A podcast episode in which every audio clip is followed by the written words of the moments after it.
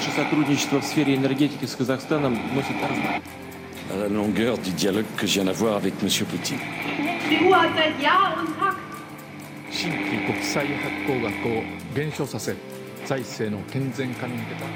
Símbolo del fascismo en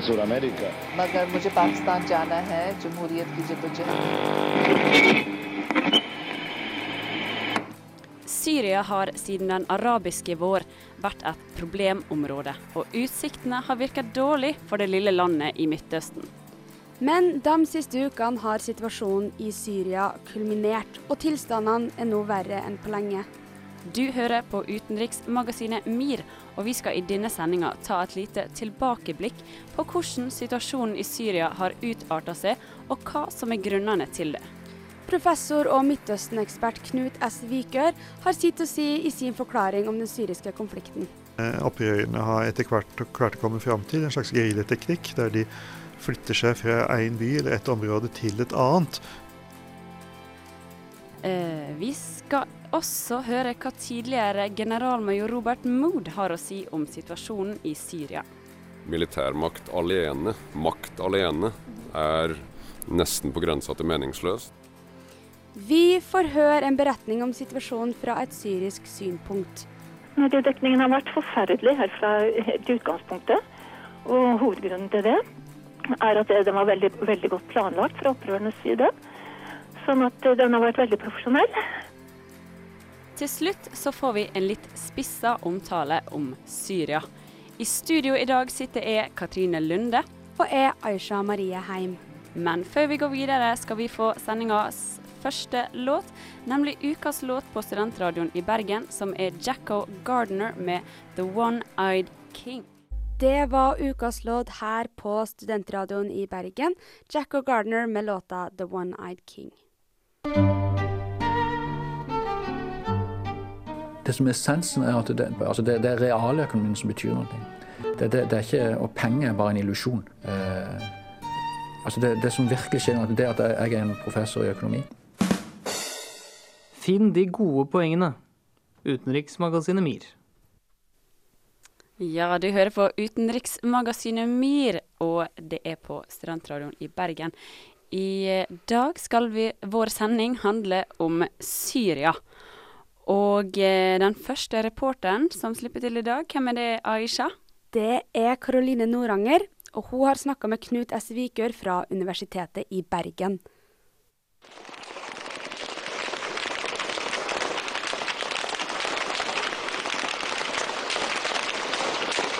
Over skjermen ruller opptak fra etterdønningene av et sammenstøt mellom politi og demonstranter i Syria.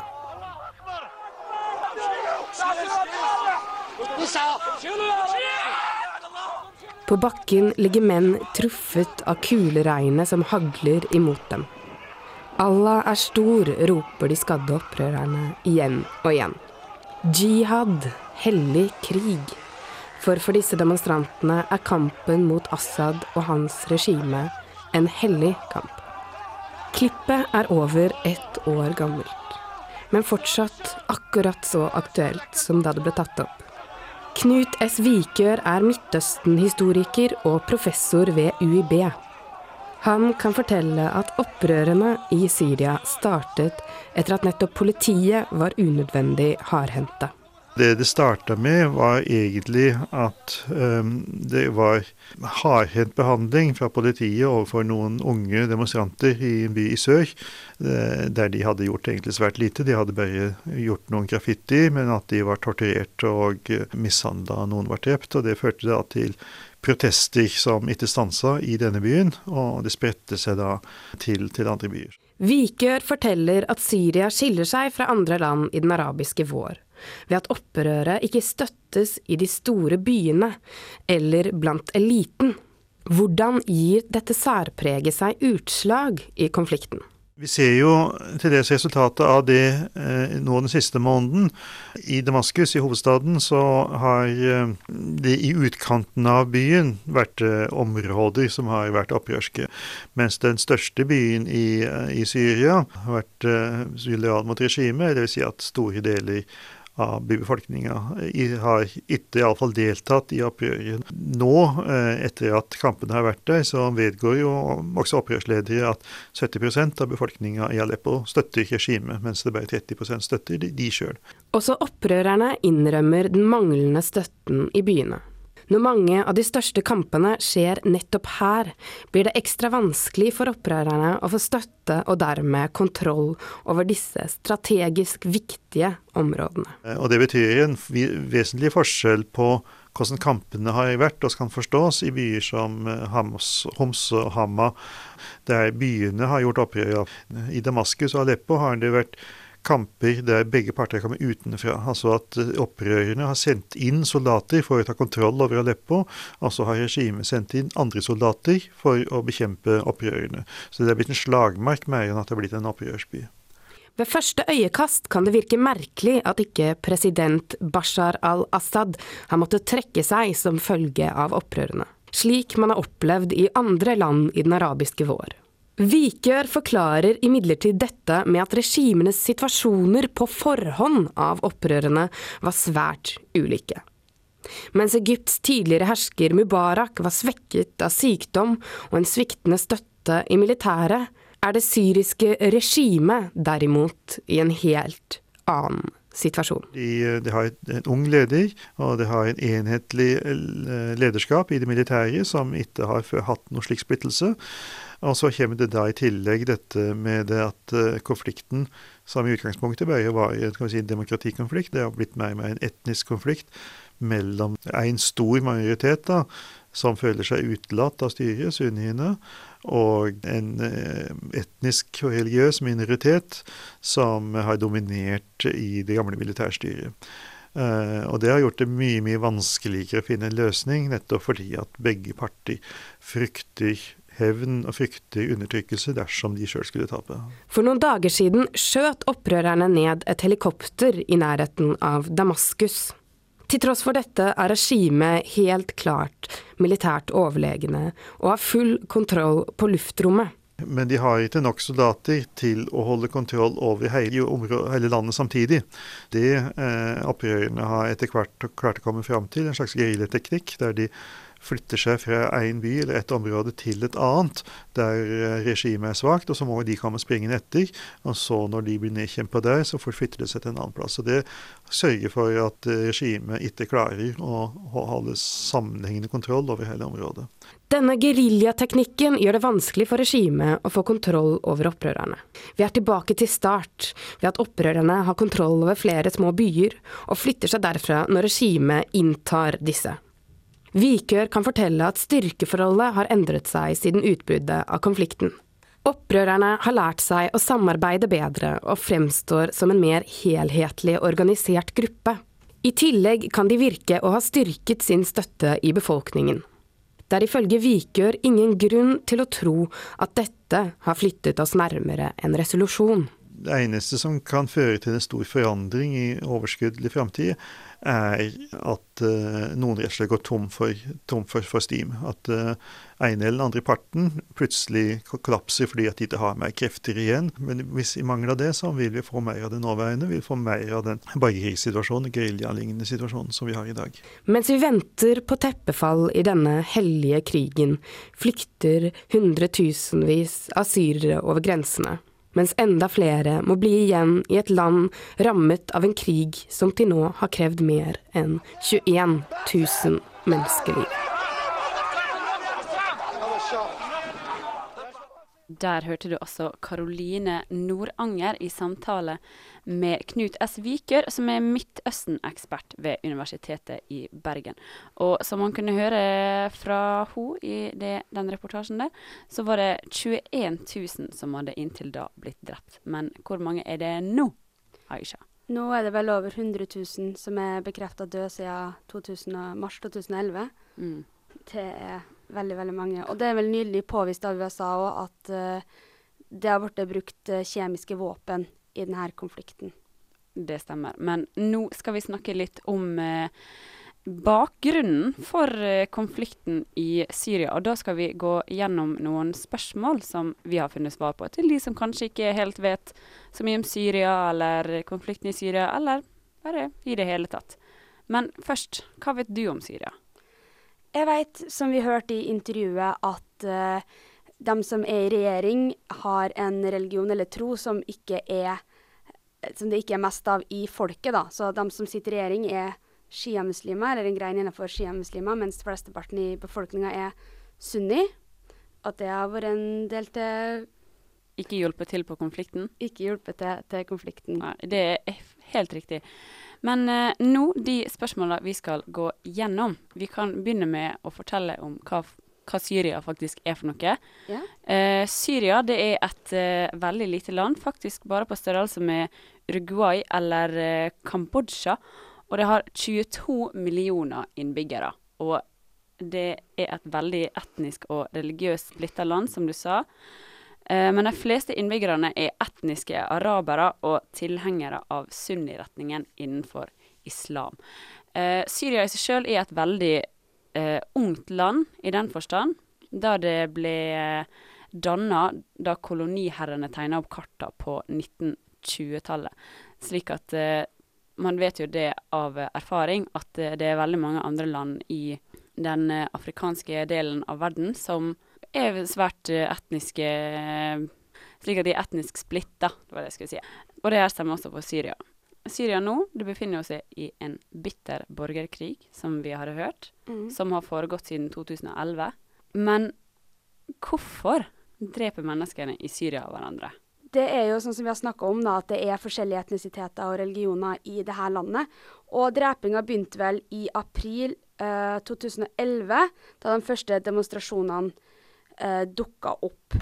Eh, folk begynte å protestere mot diktaturet, og regimet reagerte med å De var rett og slett monster? Ja, rett og slett. Det, noe annet blir eh, å faktisk ikke fortelle sannheten. Men det som starta hele den borgerkrigen i Syria, da, det var jo at Det var jo av den arabiske våren. Mm. At uh, først så skjedde det i Tunisia, at eh, innbyggerne gikk til angrep på Eller gikk til opprør mot den sittende regjeringa, og det samme skjedde i Egypt. Og det samme skjedde i Libya og flere land der de prøvde å styrte det diktaturet som hadde styrt over dem i så mange år. Og det her har jo de også prøvd på i Syria. Man kan jo si det har vært litt mislykka. Den siste tida så har jo situasjonen kulminert til det absolutte verre. Mm. Og eh, man kan vel trygt si at situasjonen ikke har vært så spissa som den er før nå. Men hvorfor gikk det så galt i Syria? Det er jo ikke noe enkelt svar på det spørsmålet. Nei, det er det ikke. Det fins eh, flere teorier på akkurat hvorfor det gikk så galt i Syria. Men generelt sett så er det to teorier. Det kan se ut til at det starta i 2011, da regjeringa slo hardt ned på demonstrasjonene, og at dette var med på å utløse det hele. Altså at man kan trygt si at Bashar al-Assad ikke takler situasjonen så veldig godt. Bashar al-Assad er altså han som er president i Syria. Det her var jo viktig for å forstå det videre hendelsesforløpet. Eh, Bashar al-Assad hadde jo lært det her av eh, sin far. Eh, da kom vi tilbake til 1982, Mm. da eh, faren til Bashar al-Assad, altså Hafez al-Assad, ble utfordra av en oppstand i regi av Det muslimske brorskapet i byen Hama i Syria. Det samme skjedde da som har skjedd nå, at eh, regimet ble veldig sinte og endte opp med å slakte ned sivile. Fors eh, forskjellen er jo i at Assad den yngre prøvde jo å gjøre det samme, men mislykka med å slå opprøret ned. Og dermed har landet havna i enda dypere kaos. Det var litt om eh, bakgrunnen for eh, angrepene i eh, Syria. Nå skal vi ha en eh, låt. Denne gangen er det Lana Del Rey som skal få lov til å uh, synge litt for oss. Her er Young and Beautiful. eh, Brasil, Colombia, Venezuela, eh, Argentina, eh, Chile, Paraguay, Uruguay. Altså i land etter land, Bolivia. Har du lyst til å kunne like mange land som Håkon Børde? Hør på utenriksmagasinet MIR hver fredag fra 11 til 12 på Studentradioen i Bergen. Men eh, nå skal vi høre litt mer om eh, intervensjoner, altså militære intervensjoner, fra et intervju som eh, Leila Ferratovic hadde med generalmajor eh, Robert Mood.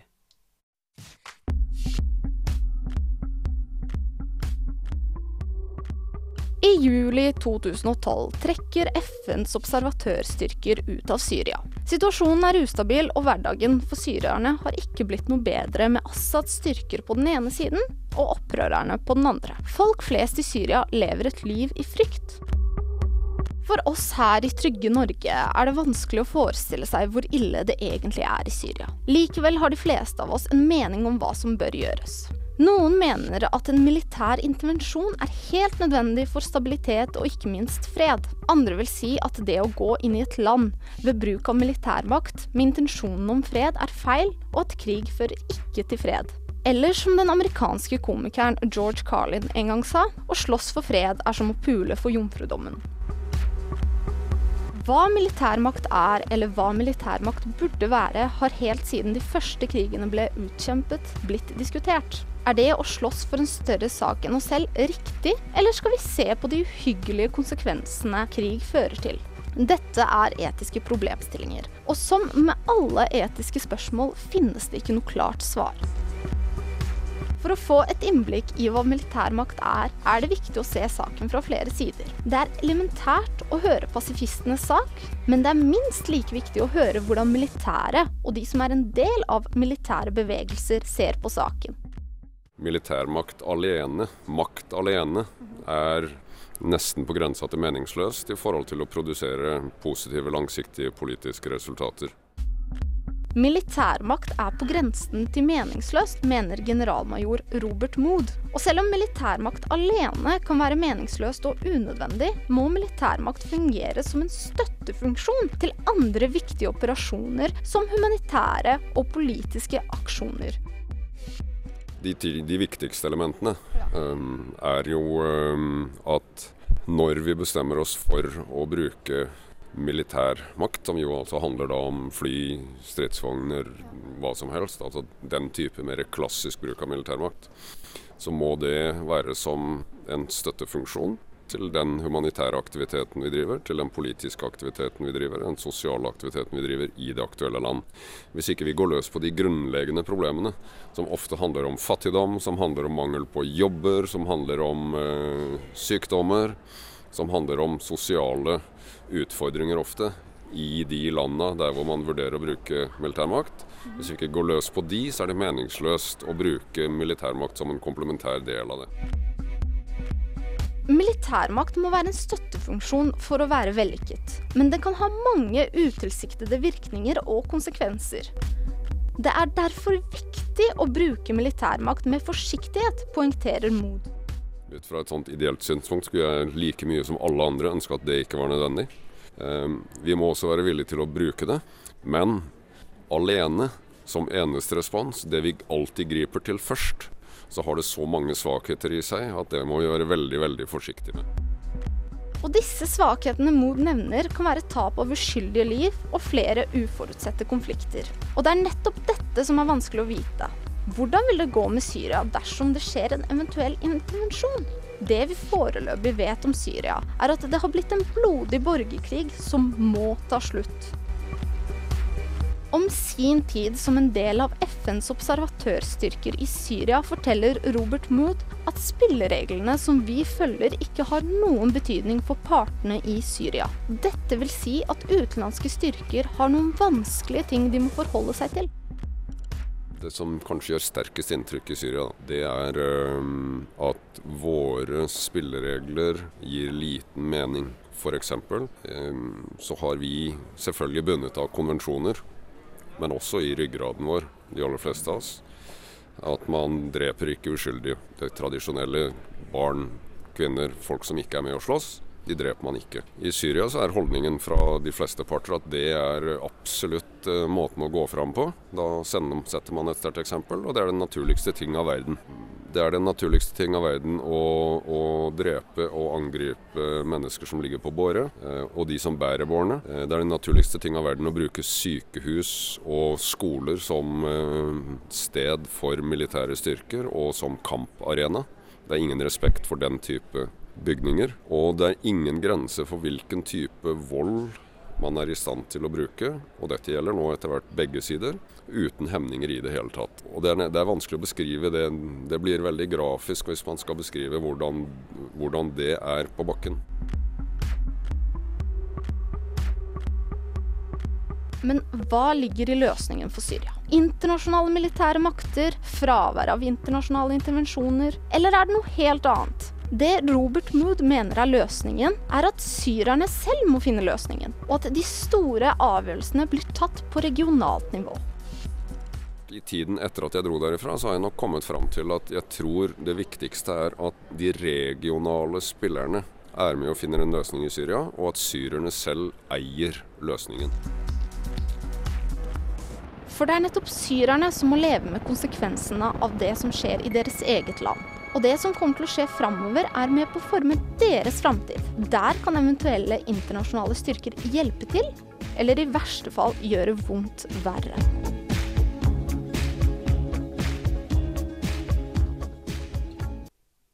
Der hørte du altså Leila Ferratovic, som hadde snakket med tidligere generalmajor Robert Mood fra det norske forsvaret. Og de snakka om situasjonen slik den har utarta seg i Syria mens uh, han var der. Og vi skal nå snakke litt videre om det. Uh, og samtidig snakke litt om hvordan uh, konflikten har utarta seg. Men Aisha, Syria sine allierte, hvem er det dem var igjen? Da snakker vi vel om Russland og Iran. Russland har jo Det er jo en grunn til at uh, de har lyst til å bruke vetoretten sin i, i FN uh, mot å gå inn i Syria. Og det er En av grunnene til det kan være at de har en marinebase i Syria, som er den eneste utenfor det gamle Sovjetunionen. Og for dem er det veldig viktig å beskytte den her. Iran de har, jo, de har jo vært både inn og ut av allianser. Eh, Iran er mest eh, opptatt av å beskytte seg sjøl mot eh, Israel og USA, og de ser derfor på Syria som en slags eh, beskyttelse for dem, da. Og derfor så eh, sendes det våpen gjennom eh, fra Hizbollah i Libanon gjennom Syria og til Iran. Og når det er snakk om Syria og Russland, så vil de ta vare på kontakten mellom seg sjøl og Syria, fordi at det, det, henger liksom tilbake igjen til den kalde krigen, da de allierte seg mot eh, USA. Jeg har vel også hørt at eh, sjøl om Iran er alliert med Syria, så er de eh, kritisk til det her regimet hvis, hvis det nå blir bevist, da, eh, fra flere enn USA at det er brukt kjemiske våpen.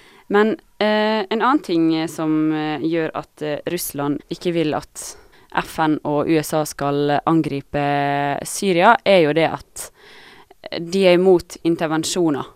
Mm. Fordi at de ser på det som en form for vestlig imperialisme. Og Russland er jo ganske imot alt som har med vestlig imperialisme og USA å gjøre i det hele tatt. I tillegg til at det er mye våpen som selges, som Russland tjener mye penger på. Så hvorfor er det sånn at USA ikke har gått inn i Syria enda? Det har seg sånn at uh, USA de er med i FN.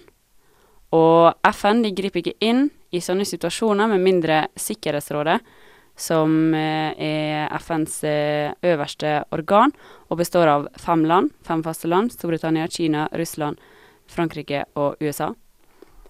Eh, de griper ikke inn med mindre de har fått ja fra alle de fem landene.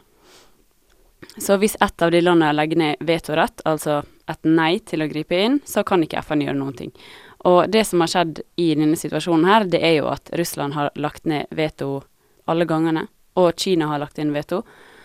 Og dermed så er det ingenting eh, FN kan gjøre. Og derfor kan ikke USA heller gjøre noe, med mindre de gjør sin egen greie. Vi har jo hørt grunnen til at Russland ikke griper inn, men hva er grunnen til at Kina legger ned veto? Den viktigste grunnen til at Kina ikke har lyst til å gripe inn i Syria, er jo det at de også er motstandere av intervensjoner, eh, militære intervensjoner, og mener at eh, konflikter må løses gjennom forhandlinger mellom opposisjonen og regimet. Altså at eh, de bør overlates til seg sjøl og prøve å komme til en enighet.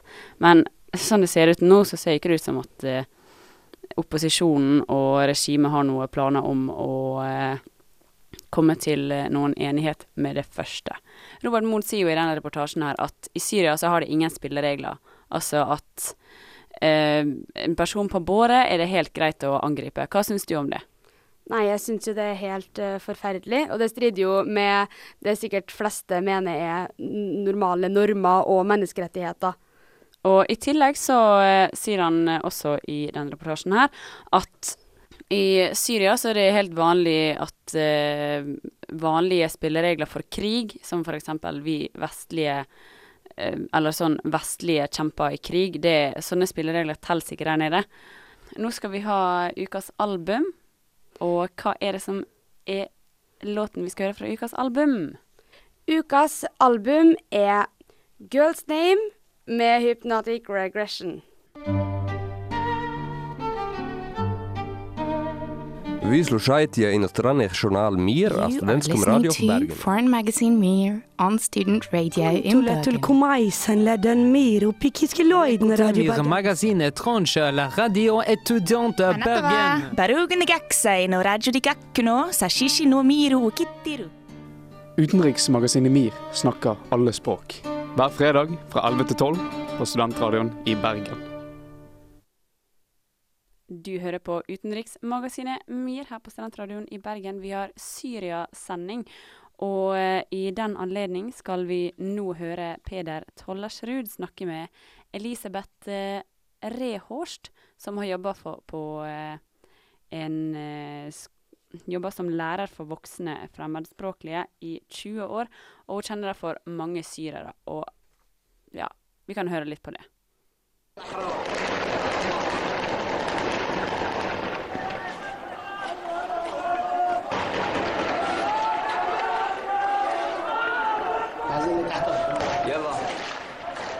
Kampene i Syria har pågått lenge.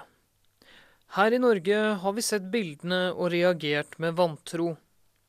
Enda en diktator som slakter sitt eget folk, tenker vi hjemme i sofaen. Men er det virkelig så enkelt? For man vet jo at hver sak alltid har to sider. Alt vi får se på bildene, er syrisk militære som går løs på opprørerne.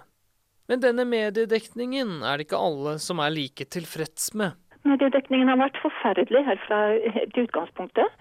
Og hovedgrunnen til det er at den var veldig, veldig godt planlagt fra opprørernes side. Sånn at den har vært veldig profesjonell.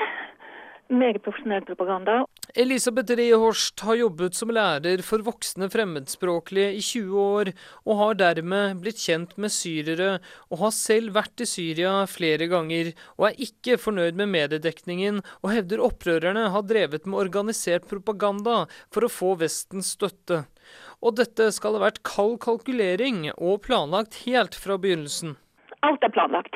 Men sånn som denne, dette opprøret begynte, så begynte det altså Pga. at jeg har de, de forbindelsene der òg, så vet jeg helt konkret at det var planlagt helt fra begynnelsen. Og sannsynligvis da fra Saudi-Arabia og Qatar.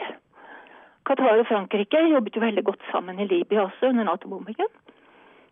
Og eh, ja, de snakker jo i dag om at uh, Kanskje dette var kald kalkulering fra bl.a. deres side, da, at eh, Nato skulle gripe inn på samme måten som de gjorde i Libya. At det var derfor det ble så veldig raskt voldelig. Altså er det kanskje fra Libya opprørerne skal ha fått inspirasjon og startet sin planlegging i det som de håpet skulle bli den nye Nato-aksjonen for å få Assad bort fra makten. I Libya nektet Muammar Gaddafi å gå fra stillingen sin.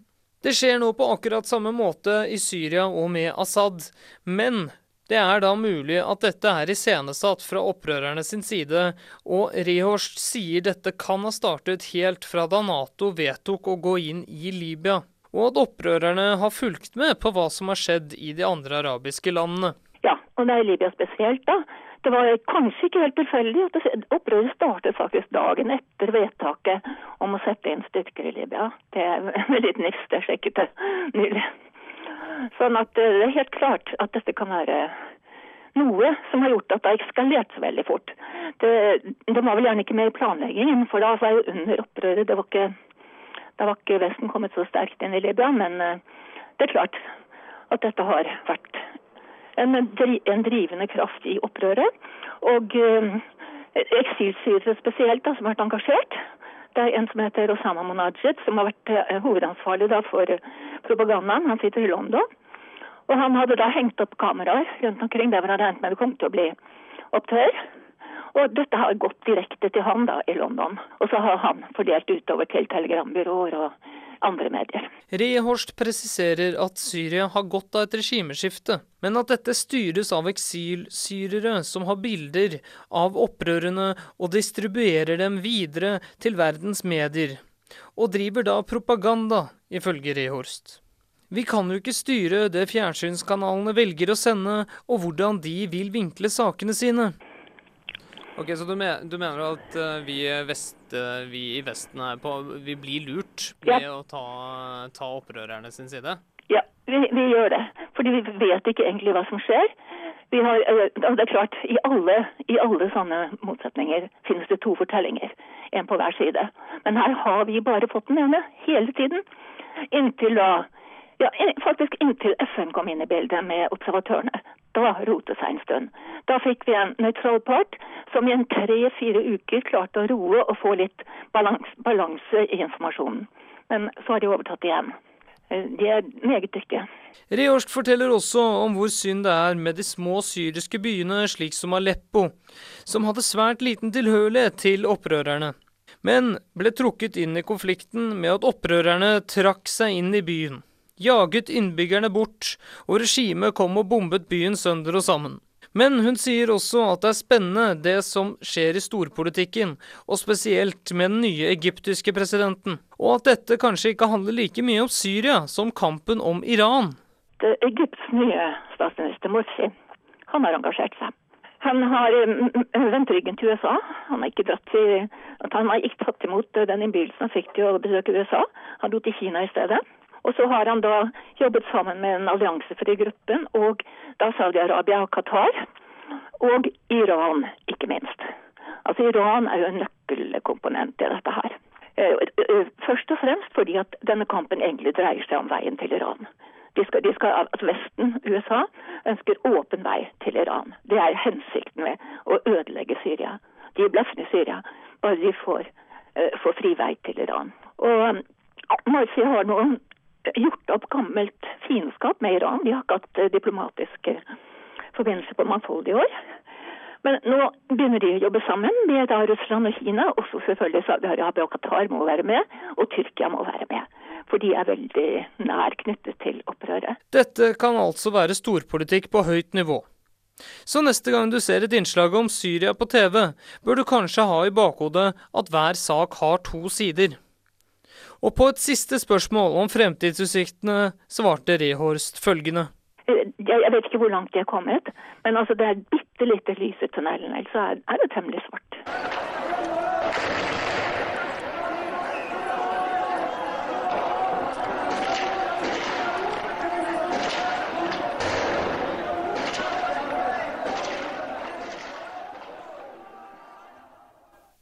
Du hørte Peder Tollersrud der altså, i samtale med Elisabeth Rehorst, som har uh, hatt mange samtaler med syrere. Og det vi hørte her, er jo det at alle saker har to sider. Det må jo man ikke glemme. Nei. Det fins jo to sider i alle konflikter, og ofte er det sånn at uh, det bildet media vil vi skal se, kanskje ikke alltid er det riktige bildet. Nei, det er helt sant. Og det er jo ennå ikke bekrefta eh, hvem som står bak de kjemiske angrepene som har skjedd i Syria. Nei, for de siste ukene så har jo vi sett eh, at det har vært gassangrep mot sivile i eh, Syria. De har fortsatt ikke funnet ut eh, hvem det er som har eh, satt i gang disse gassangrepene, men eh, det er i hvert fall nesten 1500 personer som har dødd, og blant de her så er det rundt 426 barn som altså har blitt drept. Hvem det er som har satt i gang denne aksjonen her, det vet vi ikke enda. Men eh, slik vi kan se det nå, så er jo det sånn står ca. mellom to.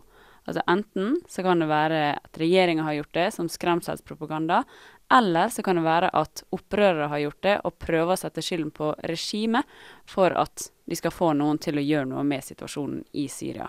USA har jo denne uka hatt ganske mange samtaler om de skal gå til intervensjon i Syria og det har vi sjekka litt opp i. Ja, det har vi. For det er jo en av uh, grunnene til at uh, Syria har blitt så dagsaktuelt nå. Det er jo nettopp bruken av kjemiske våpen. Det ble vel i 1992 skrevet under en, uh, en Avtale? Ja. Mellom nesten alle verdens land om å ikke bruke kjemiske våpen i krig. Syria er ett av fem land som ikke har skrevet under denne avtalen, men FN mener likevel at de er bundet av den, siden stort sett hele verden er med på den. Og det er vel uh, det, det jeg har, som jeg har skjønt, da, at hvis FN går inn i Syria, så vil det være på grunnlag av bruk av kjemiske våpen. Fordi man må for framtida og for fremtidige kriger da, sette, uh, altså, være veldig streng med å vise at det ikke er greit. Men sånn uh, med kjemisk krigføring og sånn, så de reglene de har satt, det er jo en ganske spesiell måte å gjøre det på. For at man har jo kriger i verden siden tidenes morgen. Og bare de siste hundre åra så er det de har kommet med sånne regler.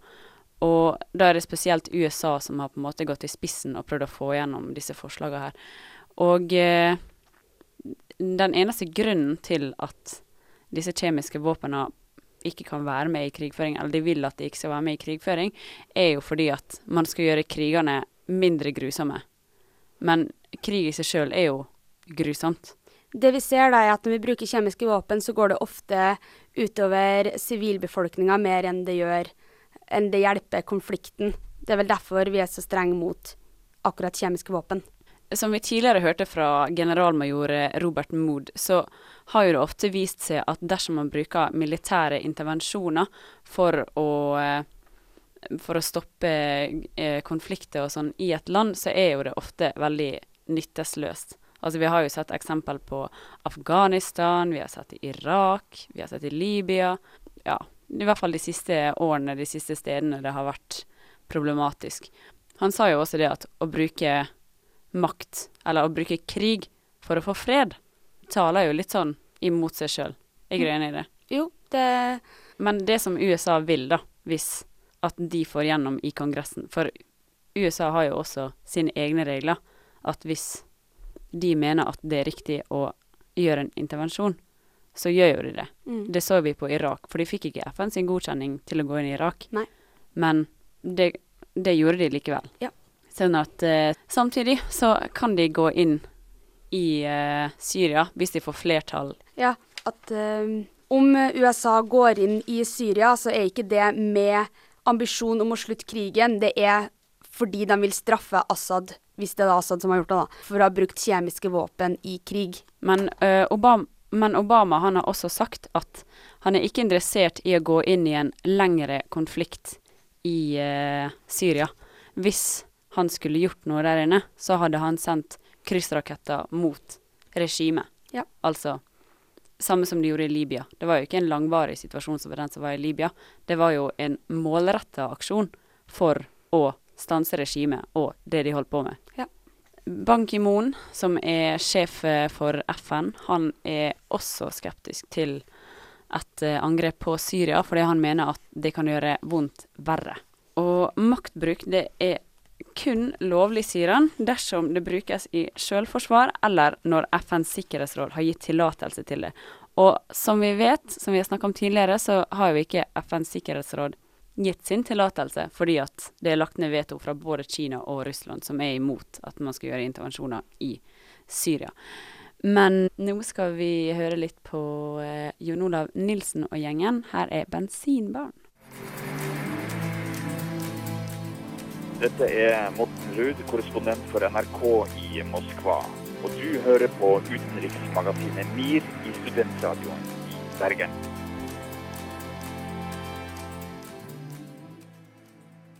I dagens sending så snakker vi om Syria. Og du Katrine har jo tatt et litt dypdukk i denne konflikten. Jeg har i hvert fall sett på det på, med et litt eh, kritisk eh, øye, kan man si. En slags min kommentar til Syria. Ja, la oss høre på det.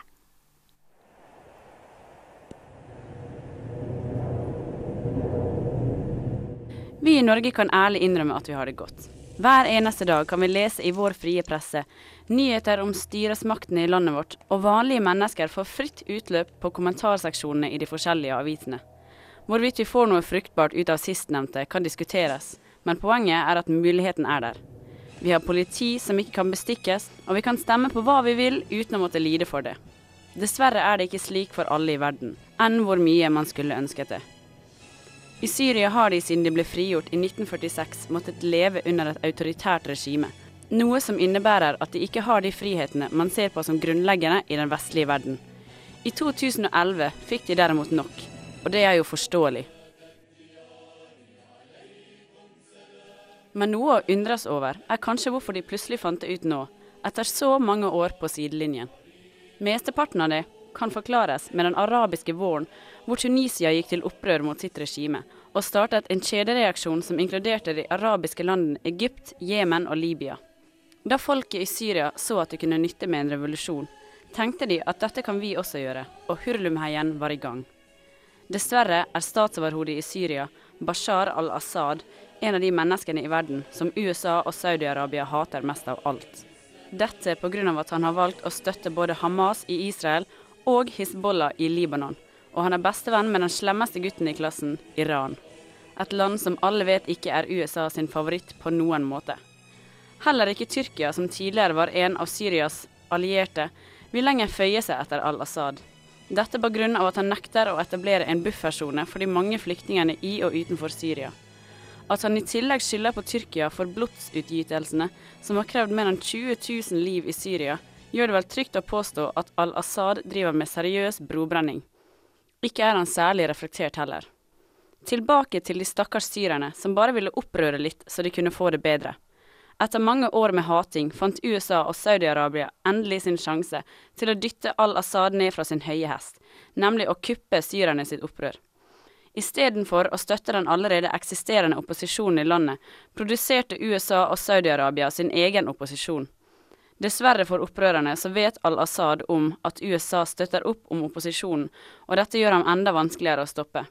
Dermed har planen til USA og Saudi-Arabia ganske enkelt gått i vasken. En annen faktor som står i veien for at noe kan gjøres i Syria, er Russland og Kina, som begge er faste medlemmer av Sikkerhetsrådet i FN. Det innebærer at de har rett til å legge ned veto dersom de er imot noe som FN skal foreta seg.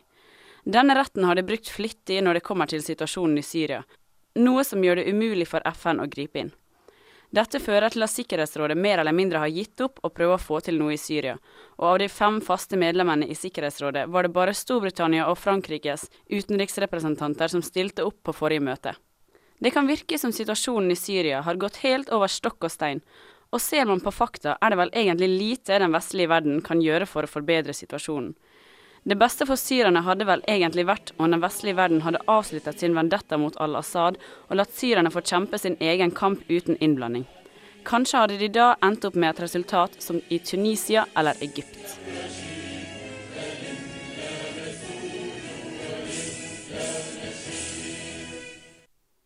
Eh, ja, vi hørte jo at eh, det innslaget der eh, Det er fra i fjor. Da var jo situasjonen slik den var, eh, sånn som eh, jeg fortalte i den kommentaren der, da. Situasjonen er vel lite forandra siden den gang. Og eh, Sikkerhetsrådet har jo ikke fått gjort noe enda. Og det viser jo bare hvor håpløs situasjonen i Syria er akkurat nå. Vi venter spent på å se hva som blir skjebnen til Syria. Med tanke på hva som kommer til å skje i Syria, så er det jo mulig at man kanskje ser en, eh, en gjentakelse av eh, situasjonen slik den ble i Libya, og slik den ble i Egypt. Hvis USA får viljen sin, så kan jo det hende at Bashar al-Assad kommer til å savne samme skjebne som Mubarak i eh, Libya. Vi begynner å nærme oss slutten på denne sendinga, men først skal vi ta en liten oppsummering på hva vi har gått gjennom i sendinga vår i dag. Vi har bl.a. vært innom bakgrunnen for eh, konflikten i Syria. Vi har snakka om eh, dagens situasjon med FN og USA. Vi har gått gjennom hvordan konflikten har utarta seg i løpet av de siste to åra. Vi har jo hørt eh, bl.a. Eh, Midtøsten-ekspert Knut S. Vikør snakke om situasjonen i Syria. Vi har hørt generalmajor Robert Mood. I tillegg så hørte vi et uh, intervju med Elisabeth Rehorst, som har jobba med folk fra Syria over mange år, om hvordan media har fremstilt uh, den ene sida versus den andre. Det var alt vi hadde for i dag. Hvis du vil høre denne sendinga om igjen, så kan du gå inn på eh, srib.no slash podkast. Har du ris eller ros, eller rett og slett bare vil sende oss en melding, sender du den til 1963 med kodeord SRIB. Etter oss så kommer Nyhetsuka. Det vil dere ikke gå glipp av. I studio i dag så har du hørt med Katrine Lunde. Og meg, Aisha Marie Heim. Tusen takk for oss.